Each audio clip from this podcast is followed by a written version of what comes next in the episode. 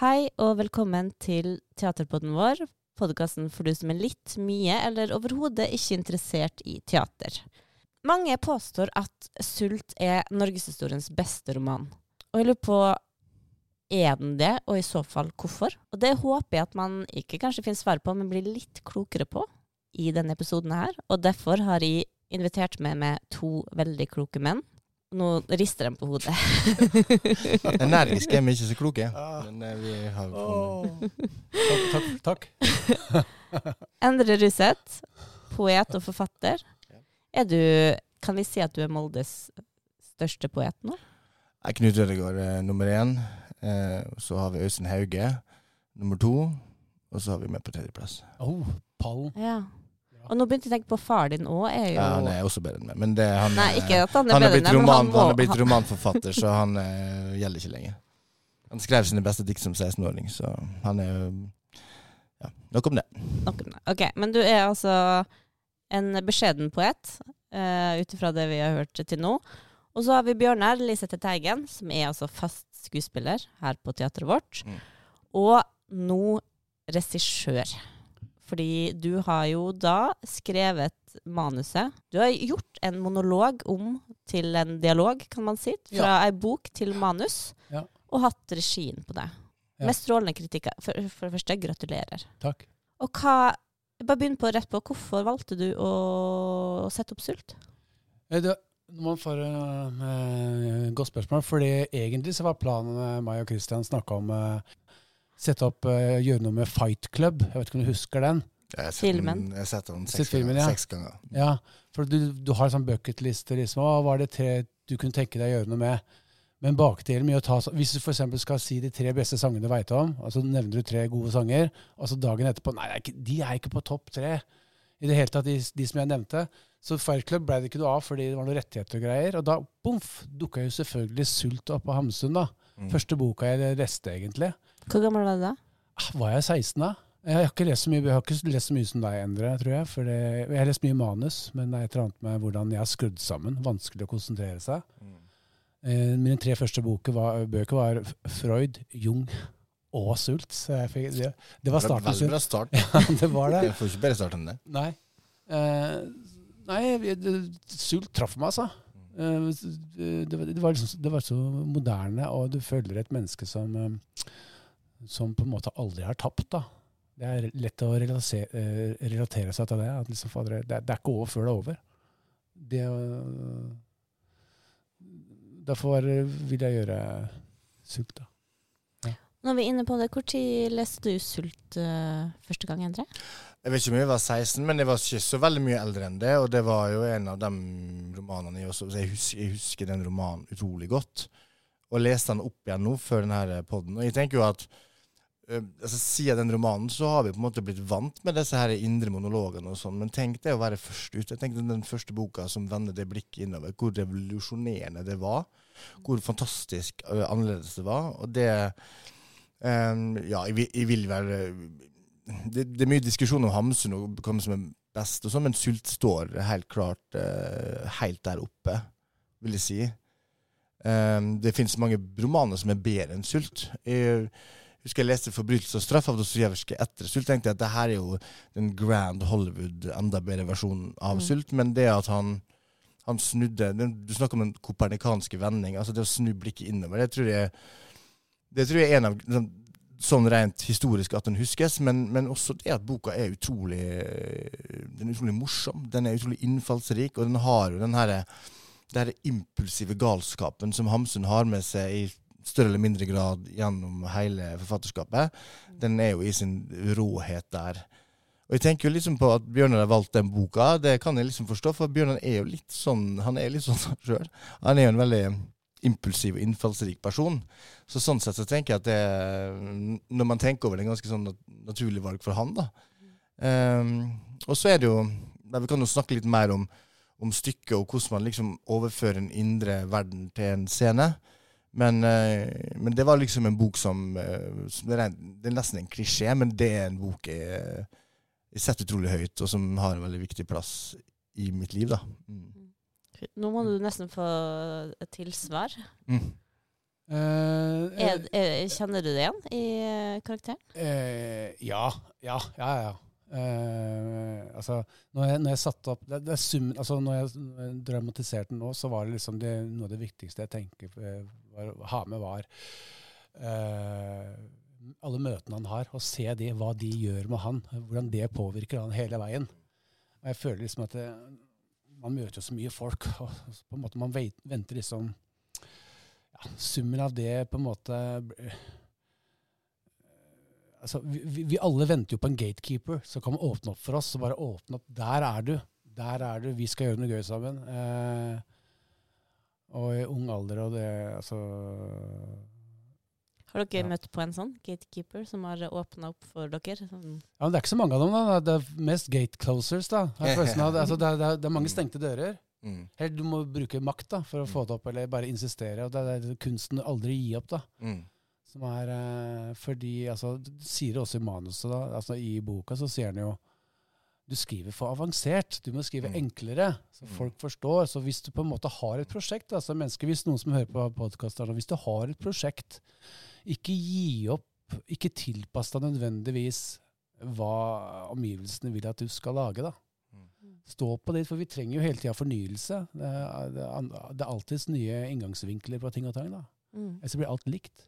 Men det at eh, den personen man møter i Sult, jeg-fortelleren, er jo alle som, Selv om stykket er skrevet i 1890, og det er lang tid tilbake, så er den, den stoltheten og den desperasjonen da, som, som jeg, for, jeg stemmen i, i, i Sylt eh, representerer, den tror jeg alle kjennes igjen i. Mm. Vi er alle altså, Han er jo utrolig opptatt av dette, liksom at han er opptatt av å holde fasaden.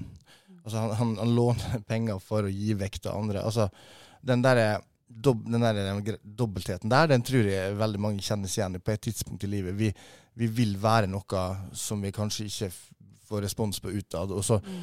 og så lever vi i en sånn stolthet da, som Mm. gjør at som vi ser hos den personen i, i Sult. Og, og det tror jeg kommuniserer på tvers av, av tida. Og det Mm. gjør jo at Sult er et veldig, det er et veldig vanskelig stykke å analysere eller å symbolisere på en eller annen måte, fordi uh, denne karakteren er så fascinerende. Han er vanskelig å redusere ned til én ting.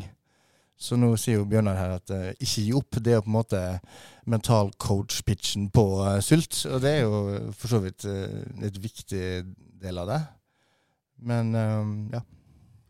Det som også er gøy, da, er at han, han øh, Knut Hamsun i Sult han går fra å beskrive landskap og altså, nasjonalromantikk til å skildre mennesker. da.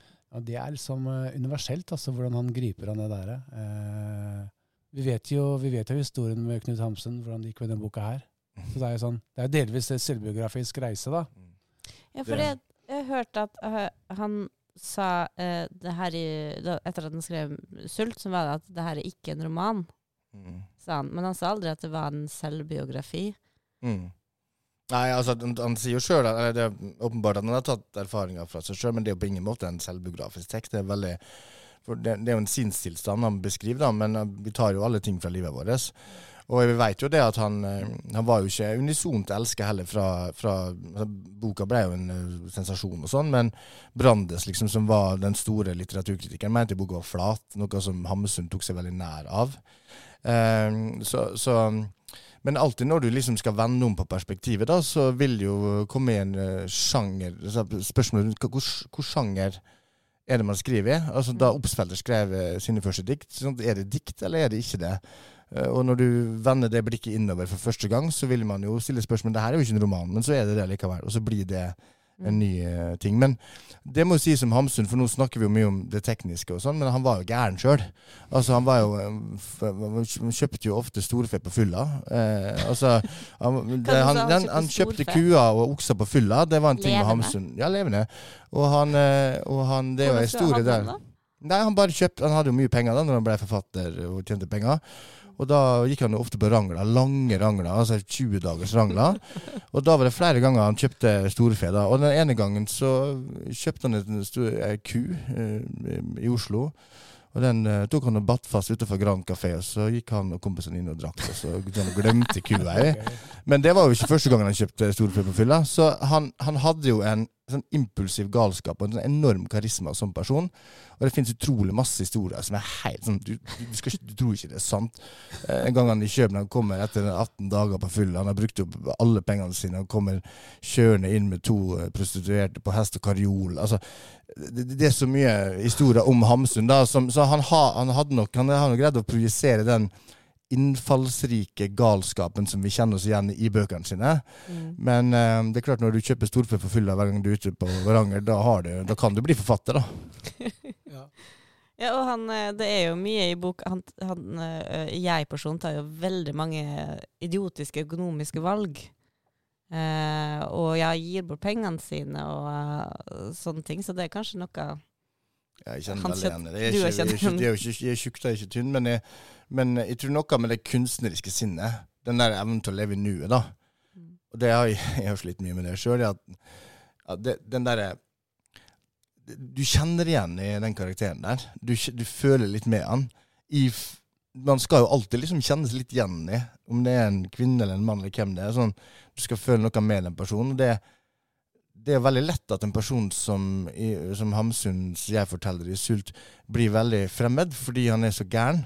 Men så er det noe som gjør at vi allikevel connecter med han allikevel. Vi, vi, vi er Oi, faen, jeg har vært i en litt så lignende situasjon.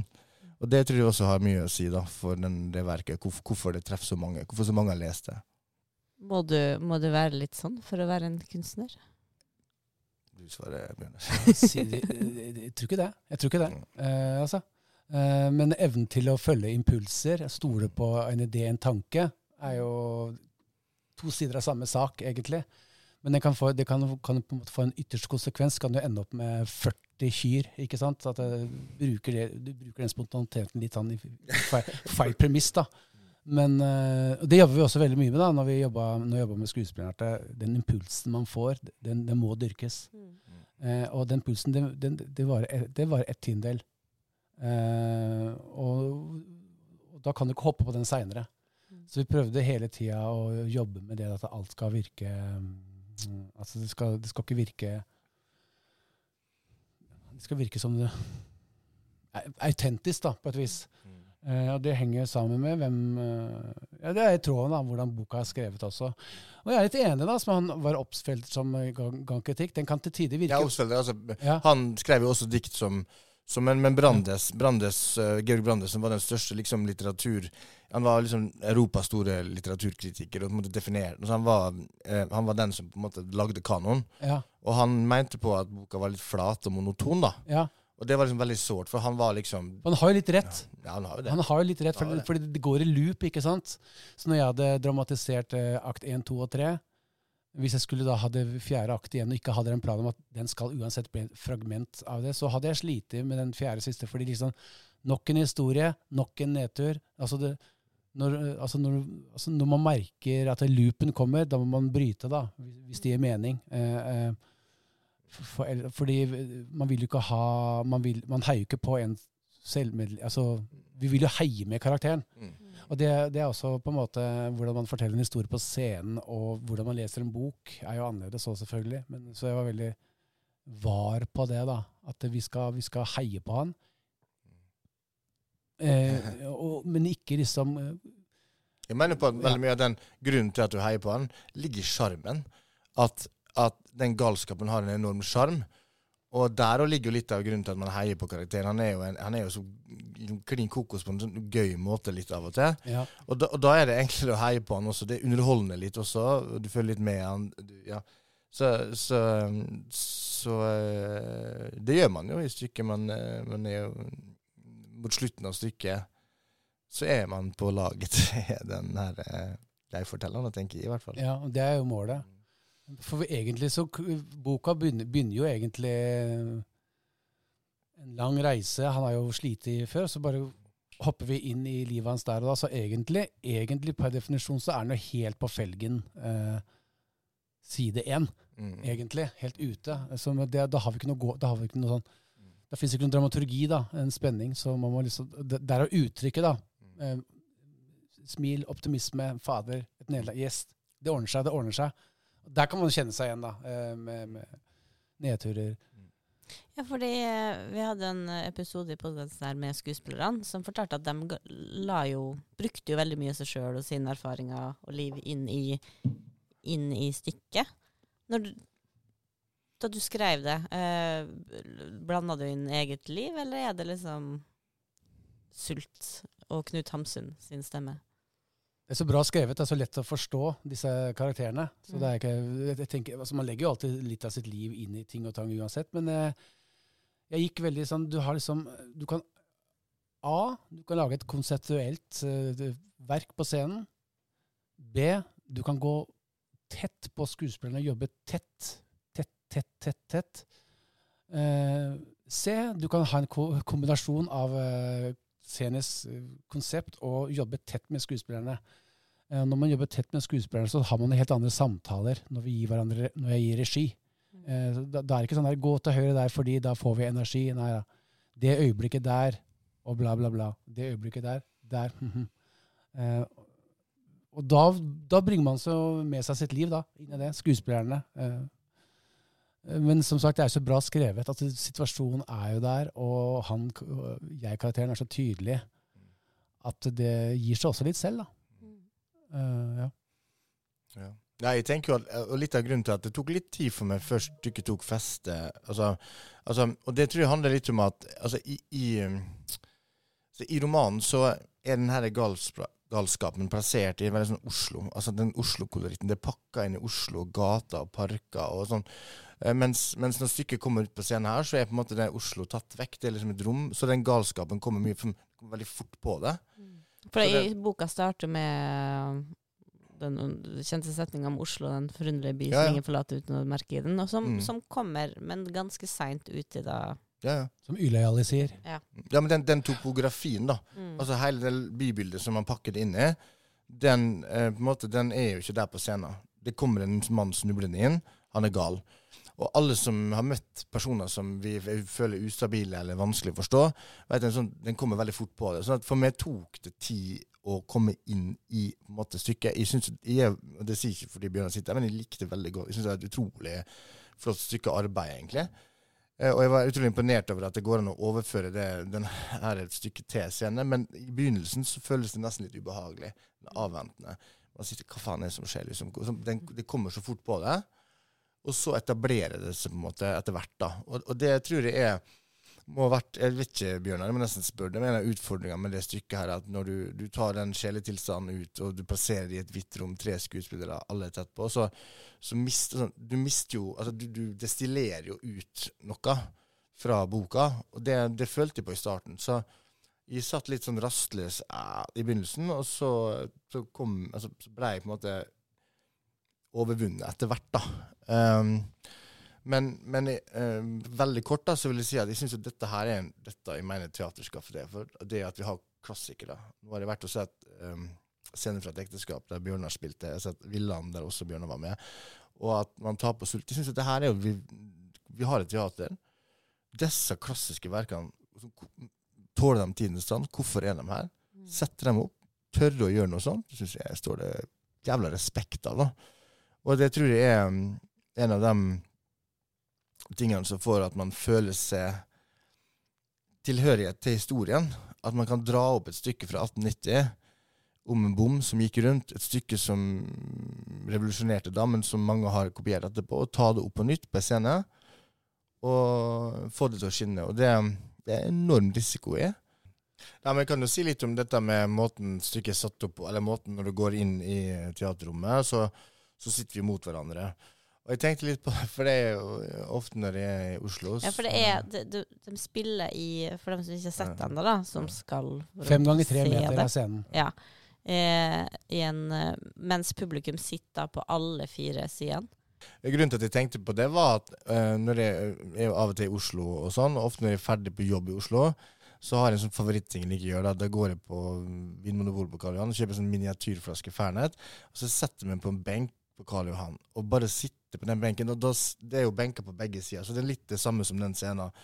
Og der kommer jo disse menneskene forbi. Altså disse her gærningene og alkoholikerne og eh, litt schizofrene. Altså, så, du, så, du- så det minte meg om den settingen å sitte på Karl Johan og, på en dag og bare mm. se alle disse eh, menneskene som du egentlig ikke ser ellers, som, liksom, som kanskje er på utkanten av verden. Så det å sitte i det rommet var litt som å sitte på Karl Johan på en ettermiddag og, og, og bare observere folk. Så det, det likte jeg, fordi Um, da sitter det jo folk på den andre sida av benken og ser på akkurat den samme gærningen som jeg, som går forbi og har en Ja.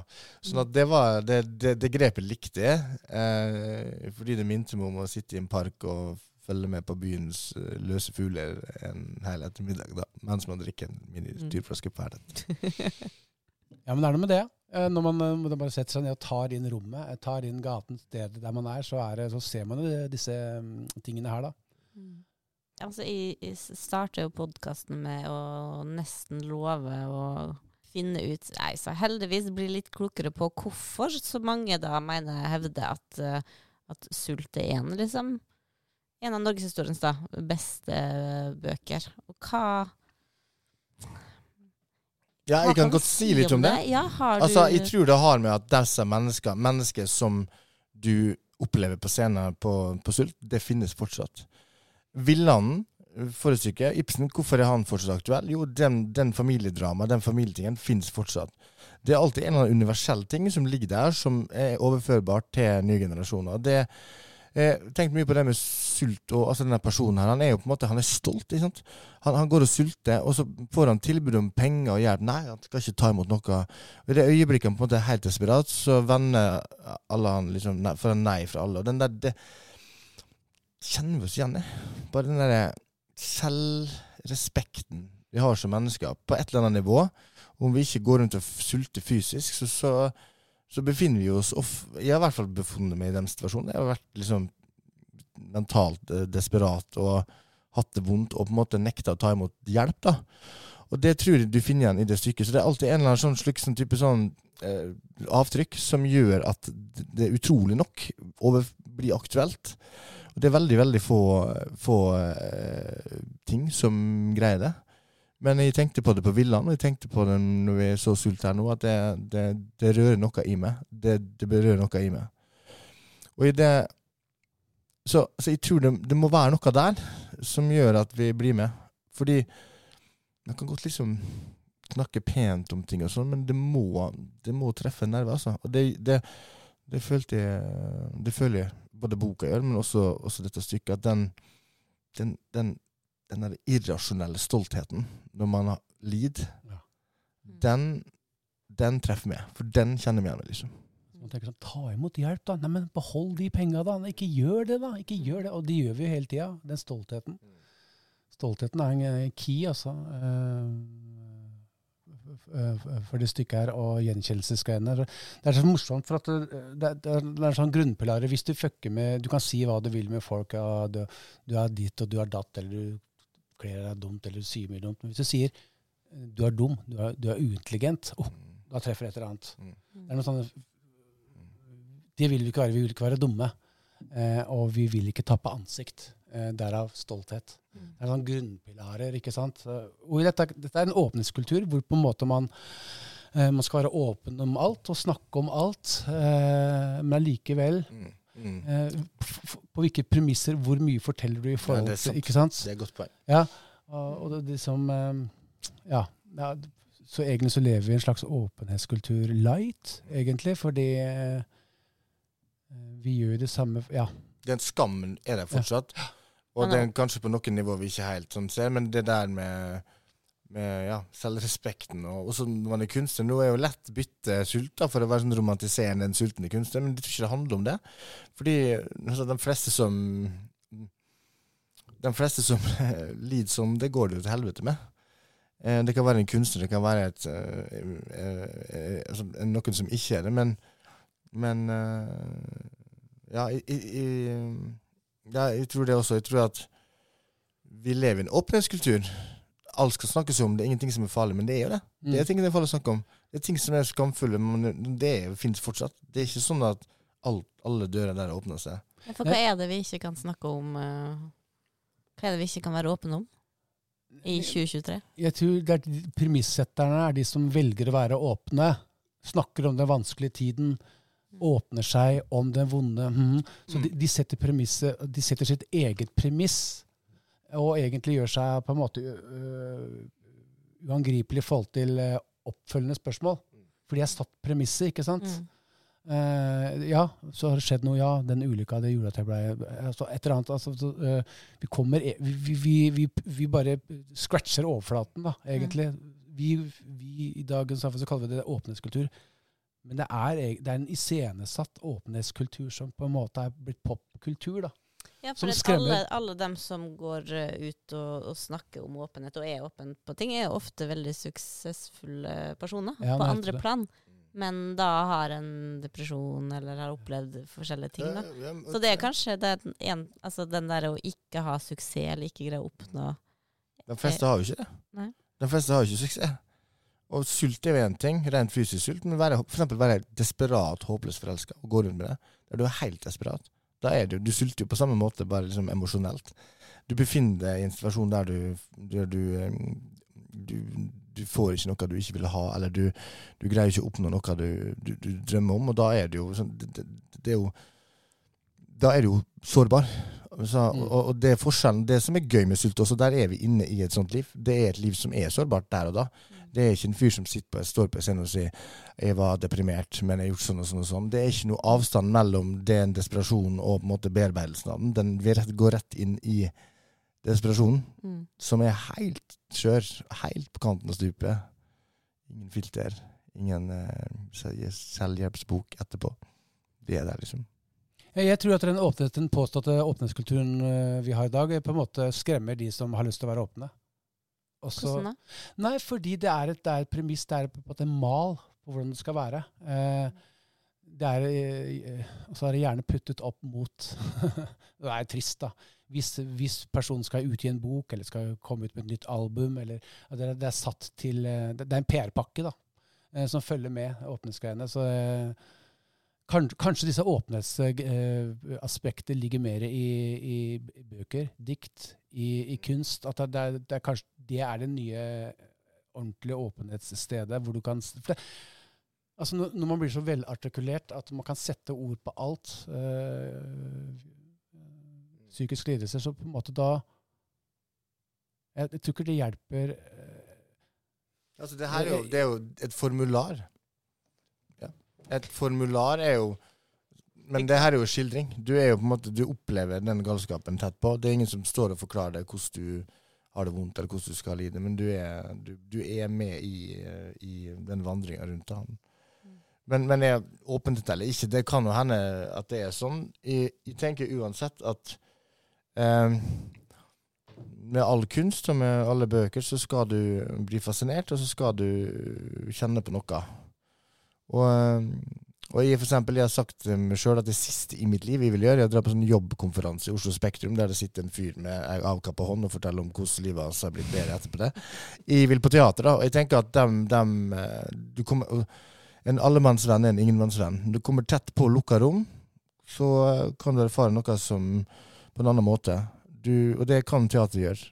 Og det kan en syke som sult gjøre, fordi det er ikke for alle. Det er ikke to åpne armer. Du må inn i det. Du må kjempe i det. Du må, du må tørre, du må være med inn i det litt skumle, og så, og så er det ikke noe forklaring. Veldig mye litteratur som på en måte gir en sånn litt sånn trist innsikt, har gitt meg håp, liksom. Og så, så, så det er ikke det at det må være positivitet overalt. En bok som, dette er en bok om mennesker som lider, og som har det vondt, og som er helt på randen av avgrunnen. Men det gir meg liksom håp eh, allikevel å se det stykket. Og jeg vet ikke hvorfor, eller kan ikke forklare helt hvorfor, men kanskje er det noe med det at vi trenger eh, ikke alltid forklaringer, men vi trenger skildringer. da. Mm. Så for meg er jo Sult en sånn bok. Vi er på la, altså, hvor ofte er vi på lag med en person som sliter sånn? Når du går på gata, er du, liv, du må jo være redd litt for folk som virker gærne. Men i Sult så er man jo på lag med en person som kanskje man ellers ville skydd, på gata fordi den er ustabil. Mm. På samme måte som man uh, føler med Tony Soprano, som er en forferdelig mafiasjef. i- Så, så skildringa gjør noe med oss, tre.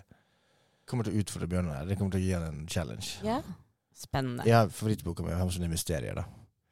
Og det er liksom Det er Frost-versjonen av Sult. Liksom Der Sult er punk, så er mysteriet liksom Det er, det er full Andrew Lloyd Webber. Det er liksom Der er det mye sånn, sånn Der er Bjørnar skal få utfordring. Dramatisere mysterier. Ja, Og, og det, det vil jeg at du skal gjøre. kult. Det er en helt rå bok. Helt fantastisk bok.